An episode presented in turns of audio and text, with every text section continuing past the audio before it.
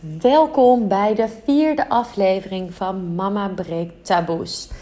In deze podcast zou ik in gesprek gaan met andere moeders uh, die een verhaal te vertellen hebben die je misschien niet zo snel zou horen op het moment dat je gewoon vraagt aan iemand van hey hoe is het met jou? Ik, in de wandelgang op het schoolplein dat. Maar ik merk dat er eigenlijk iets anders gezegd wil worden in deze podcast. En dat zijn de taboes, of eigenlijk waarom wij taboes hebben. Waarom we iets niet doen, hoe we iets wel doen en waarom. Dus dat, het stukje aanpassen, het stukje jezelf niet durven uitspreken. Um, en daar neem ik je graag in mee. Deze podcast vandaag ook weer. Het gaat over intuïtie. Je intuïtie laten spreken. En dat is voor mij, denk ik, voor ook wat ik om me heen zie, het allergrootste taboe. In de derde podcast sprak ik over: kun je op je lichaam vertrouwen? Durf je te kijken naar jezelf? En dat zit natuurlijk, intuïtie zit ook in je lijf. Wij zijn afgelopen honderden jaren zo gesocialiseerd, de cultuur zo neergezet, dat vooral wetenschappelijk bewijs moet zijn voor of je ergens of niet mee eens bent, of dat uh, iets past bij wat je wel of niet mag doen of moet doen. En, en wetenschap komt ook altijd voort vanuit een bepaalde bril. Er wordt vanuit een bepaalde bril naar de wereld gekeken. En op basis daarvan wordt een hypothese gesteld en die wordt dan onderzocht. En wetenschap is goed en onderbouwd op het moment dat het natuurlijk herhaald wordt en vanuit die verschillende brillen uh, een, een thema wordt bekeken. En dat is wat wij tegenwoordig um, het juiste vinden, het correcte vinden, hetgene, nou, de waarheid vinden. En daar wordt één belangrijk ding wordt daarin vergeten. En dat is het stukje intuïtie. Voel jij je ergens bij? Hoe kijk je ergens naar vanuit dat diepe vertrouwen in jezelf? Um, hoe spreek jij jezelf uit en mag jij daarin jezelf zijn? En daarom voelde ik van, wauw, dit hoort dus zeker wel bij het breken van taboes kun jij keuzes maken die misschien niet passen binnen het zaadje waarin jij gewend bent om keuzes te maken of hè, waarin je leeft. Of En kun je daarin, mag je daarin voor jezelf ook gaan, gaan staan. En dat is misschien ook wel de grootste zoektocht naar.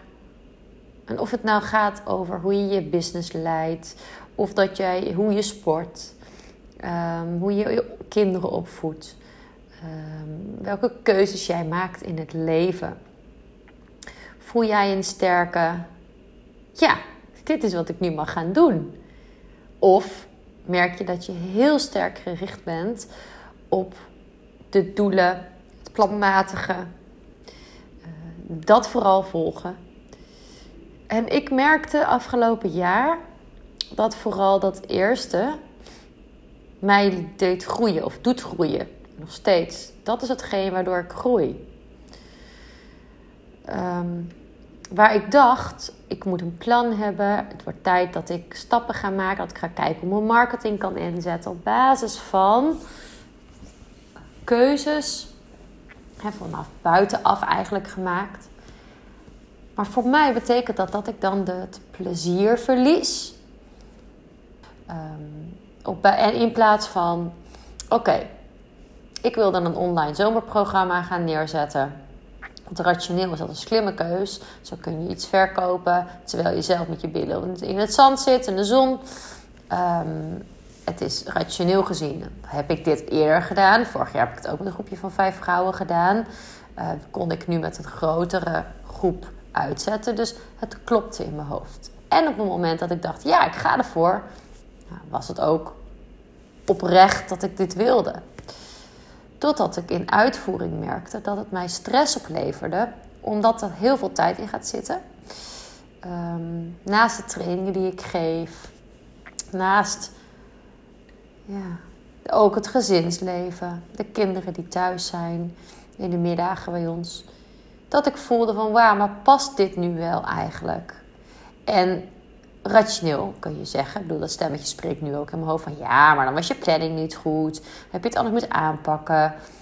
Ehm, maar keuzes maken gaat ook over een stuk past het op dit moment in mijn leven. Voelt het nu goed? Punt. en die punt, die mag er gewoon ook zijn en die mag er ook gewoon staan. En of het nou gaat dus over inderdaad het maken van dit programma, of dat het gaat over mag ik van mezelf de rust nemen om, of voel ik dan ja, maar, en dit is natuurlijk die andere kant, als je rust neemt, dan blijft het niet in werk, dan blijft je proces niet in gang. En dan heb ik het over, je, over het, uh, het, het, bedrijf. Uh, mijn bedrijf, het geld dat binnenkomt. Anderzijds is de vraag waar ik tegenwoordig steeds meer naar wil luisteren ook. Wat voel je? Wat voel ik? En dan kan ik twee dingen voelen. Ik kan vanuit angst zijn, beklemming, um, waarbij ik eigenlijk ook meteen weer terug in mijn hoofd schiet. Of een, ja, dit voelt eigenlijk gewoon goed. Punt.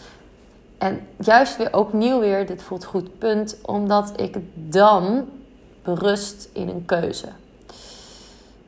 Uh, mijn man is nu toevallig uh, naar auto's aan het kijken. En hij stuurde wat door. En bij de eerste voelde ik heel erg, ja, ik weet het niet. En nou ja, kies jij maar. En rationeel kon ik er heel goed iets over zeggen, maar ergens wringde er iets. Totdat hij met een auto kwam en toen voelde ik twee seconden: ja, dit is hem.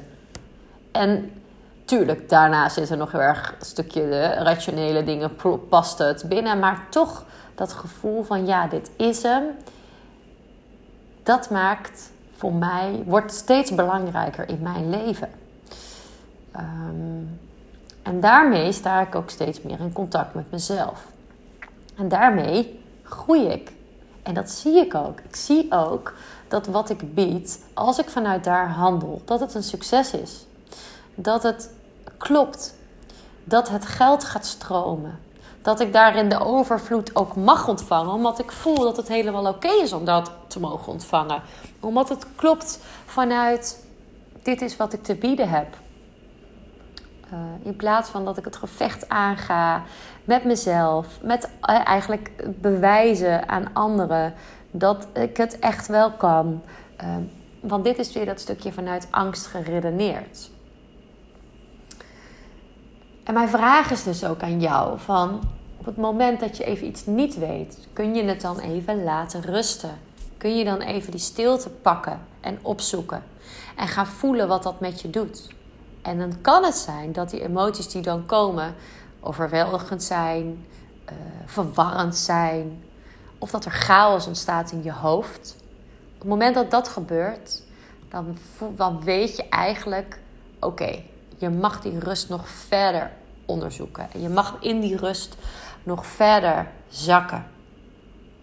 Dat je nog net op het laagje zit vanuit: oké, eigenlijk weet ik het nog niet. Ik moet het nog verteren. Ik mag er nog even mee aan de slag. Ik mag er nog een stukje uh, mee rondlopen, misschien. En kun je dan zelf ook uitspreken van, nou ja, ik neem daarin nu even de rust.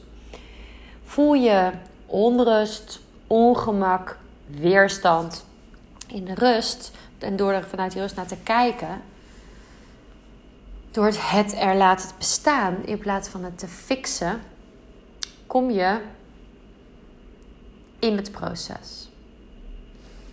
En dit is dus ook wat ik met sporten doe en bewegen. Ik begin altijd vanuit een beetje vanuit, vanuit observeren, vanuit rust, vanuit ontdekken hoe je iets doet, zonder oordeel. En als je merkt dat daar een oordeel over bestaat, ben ik je erom te vertellen dat het heel normaal is dat je eerst het ongemak ervaart. Vaak over ongemak, daar hebben we vaak oordelen over. En kun je dan in die rust gaan voelen. je voelt iets. Misschien voel je ook even iets niet. Hè? Dat kan ook omdat als je ergens waar moeite of, of moeilijk contact mee hebt gemaakt, of, of geen contact mee hebt gemaakt, of wat het nou is vanuit omdat je zwanger bent geweest, dat je buikspieren uh, op een andere manier werkte, je houding anders was, een deel uh, dat je even niet meer in contact staat met die delen in je lijf, uh, dat iets heel erg gespannen is, dat je in je hoofd zit en daardoor moeilijk contact komt met je lijf of dat het nou zoiets is, of dat het een, een, emotie is of een gevoel is op een andere manier, waarvan je denkt: oh wauw, um, of ik voel er even niks over, ik weet het even niet.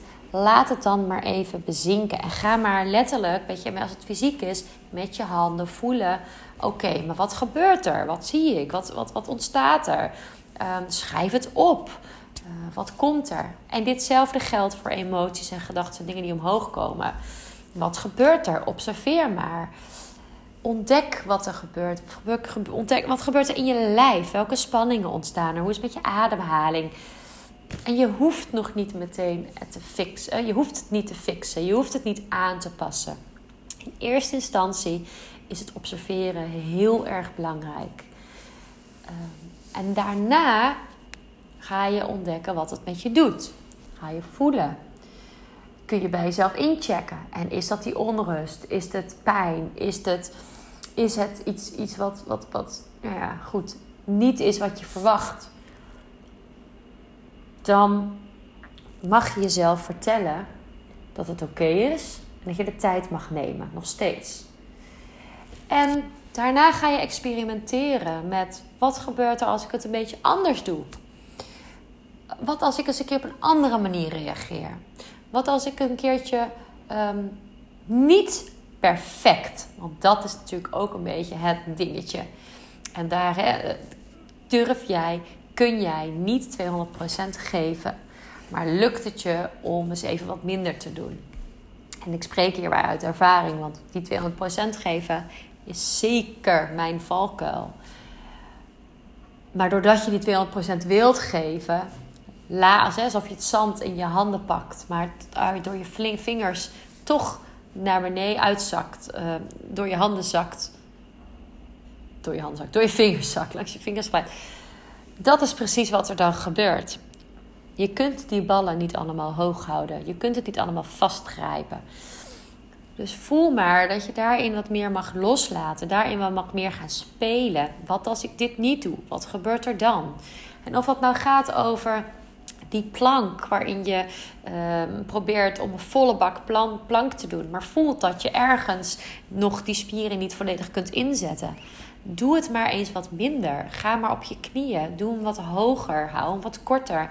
En maak contact met je lijf. Wat gebeurt er op die plek, op die plek, op die plek in je core? Um, observeren, voelen, ontdekken.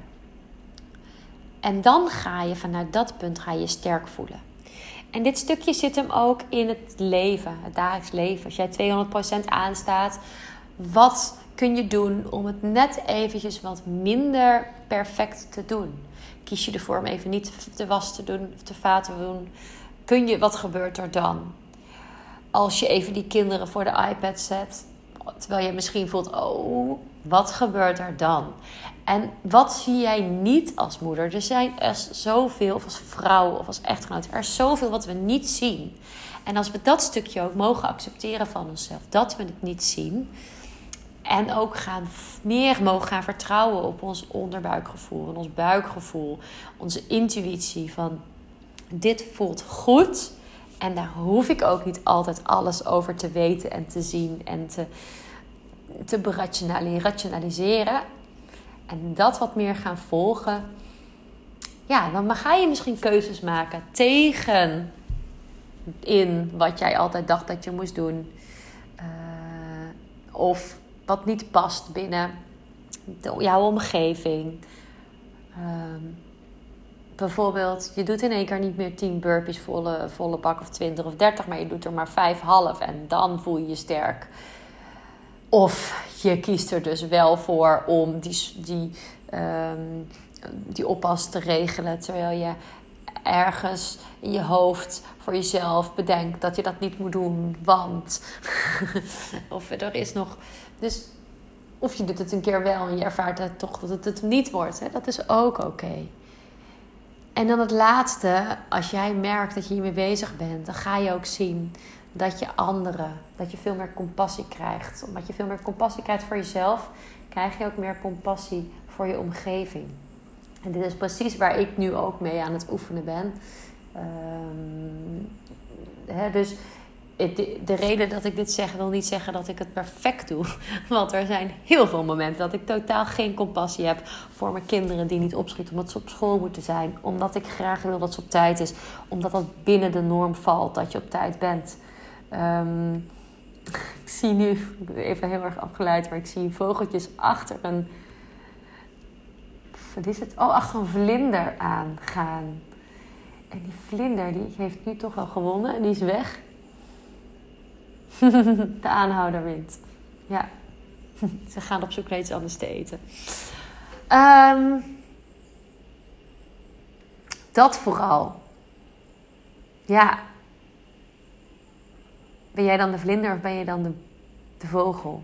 Blijf je ergens achteraan jagen, terwijl je ziet dat het hem niet wordt? Kan je zeggen: stop, ik ga iets anders doen. Ik kies, maak een andere keuze. Of voel jij je achterna gezeten en voel jij dat je weg mag en dat je sterk bent en dat je niet opgeeft? Waar sta jij nu op dit moment? En het is geen oordeel, maar wat je jezelf wel kan vragen is: voel ik daar berusting in? Voelt dat goed of niet? Oké, vrouwen, dit was een heel erg intuïtief gesprek met mezelf, met jou. Um, kort en krachtig. Wil je met me meekletsen? Ik vind het alleen maar fijn en leuk. Ik postte gisteren een post waarin ik ook vertelde dat ik heb verschillende dingen gestudeerd. Antropologie, creatieve therapie, drama. Ik ben fitness trainer. En in elk plek waar ik was, voelde, paste het niet. En tegelijkertijd paste het wel. En ik ben het niet allemaal los van elkaar, maar ik ben het samen. En dat is ook hoe ik mijn werk en mijn trajecten insteek. En voor mensen is het misschien verwarrend, want wat doe je dan? Wat is dan de. Wat, wat doe je dan? Wat, wat kan ik bij je krijgen? En in essentie is dat precies wat ik doe, wat jij ook kunt gaan ervaren. Het contact met jezelf. Jezelf laten zien, je ruimte innemen, je vuur gaan voelen. Sporten en trainen op een manier die past bij jou, waardoor je het vol gaat houden. Dat is de vorm. Je blijft bij mij lekker in beweging. Je zet jezelf in dat proces, maar tegelijk maar heel bewust en vanuit jouw kern, jouw kracht, jouw vuur. En ja, je gaat dingen tegenkomen. Want zelfs in het traject van een maand, waar je, wat ik nu toevallig had opgestart, zie je dat meteen dat komt wat er gebeurt. Kinderen worden ziek. Je, er ontstaan eh, dingen waar jij op dit moment niks aan kunt doen. Maar hoe ga jij juist in dit, die momenten voor jezelf zorgen en in contact blijven met jezelf? Voor mij is dat ook de allergrootste uitdaging. Ik denk voor alle moeders en ik krijg er steeds meer een modus in. En, en, en sporten en bewegen is een hele mooie manier om jezelf terug te brengen bij jezelf. Juist als het pittig is en zwaar is. En dan ga je je sterk voelen. En dan ga je ook voelen dat jij veel meer liefde voor jezelf hebt als in je lijf. Dus je kijkt met veel meer liefde naar jezelf in de spiegel.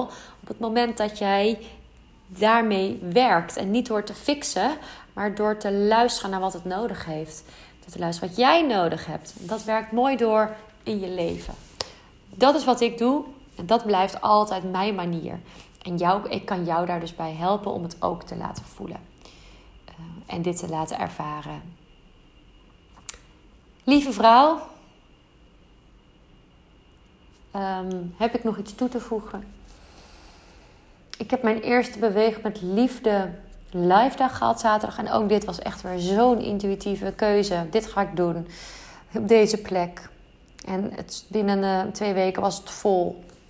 En dat betekent, en ook na afloop, zei iedereen: Wauw, kunnen we dit niet vaker doen? Eén keer in de maand. Ik ga er deze vakantie lekker over voelen. En, en, en, de ideeën die dan mogen stromen, die ga ik op papier zetten. En jullie zien het als er weer een plan komt. Dat ik weet, hier komt er vervolg op. En ik weet ook dat hij veel. Ehm, ehm, dat we hem nog gaan aanscherpen. Dus dat ik hem nog ga verfijnen. Zodat je er nog meer uit kunt gaan halen. En wil je op de hoogte blijven, laat het mij vooral weten. Want dan uh, hoef je niet per se Instagram te volgen. Want dan krijg je een uh, mailtje van me voor de volgende editie. Oké, mooie vrouw. Ik wens jou een geweldige dag. Adem lekker door. Voel wat je nodig hebt. En doe waar je naar verlangt. Dag lieverd. Bedankt voor het luisteren.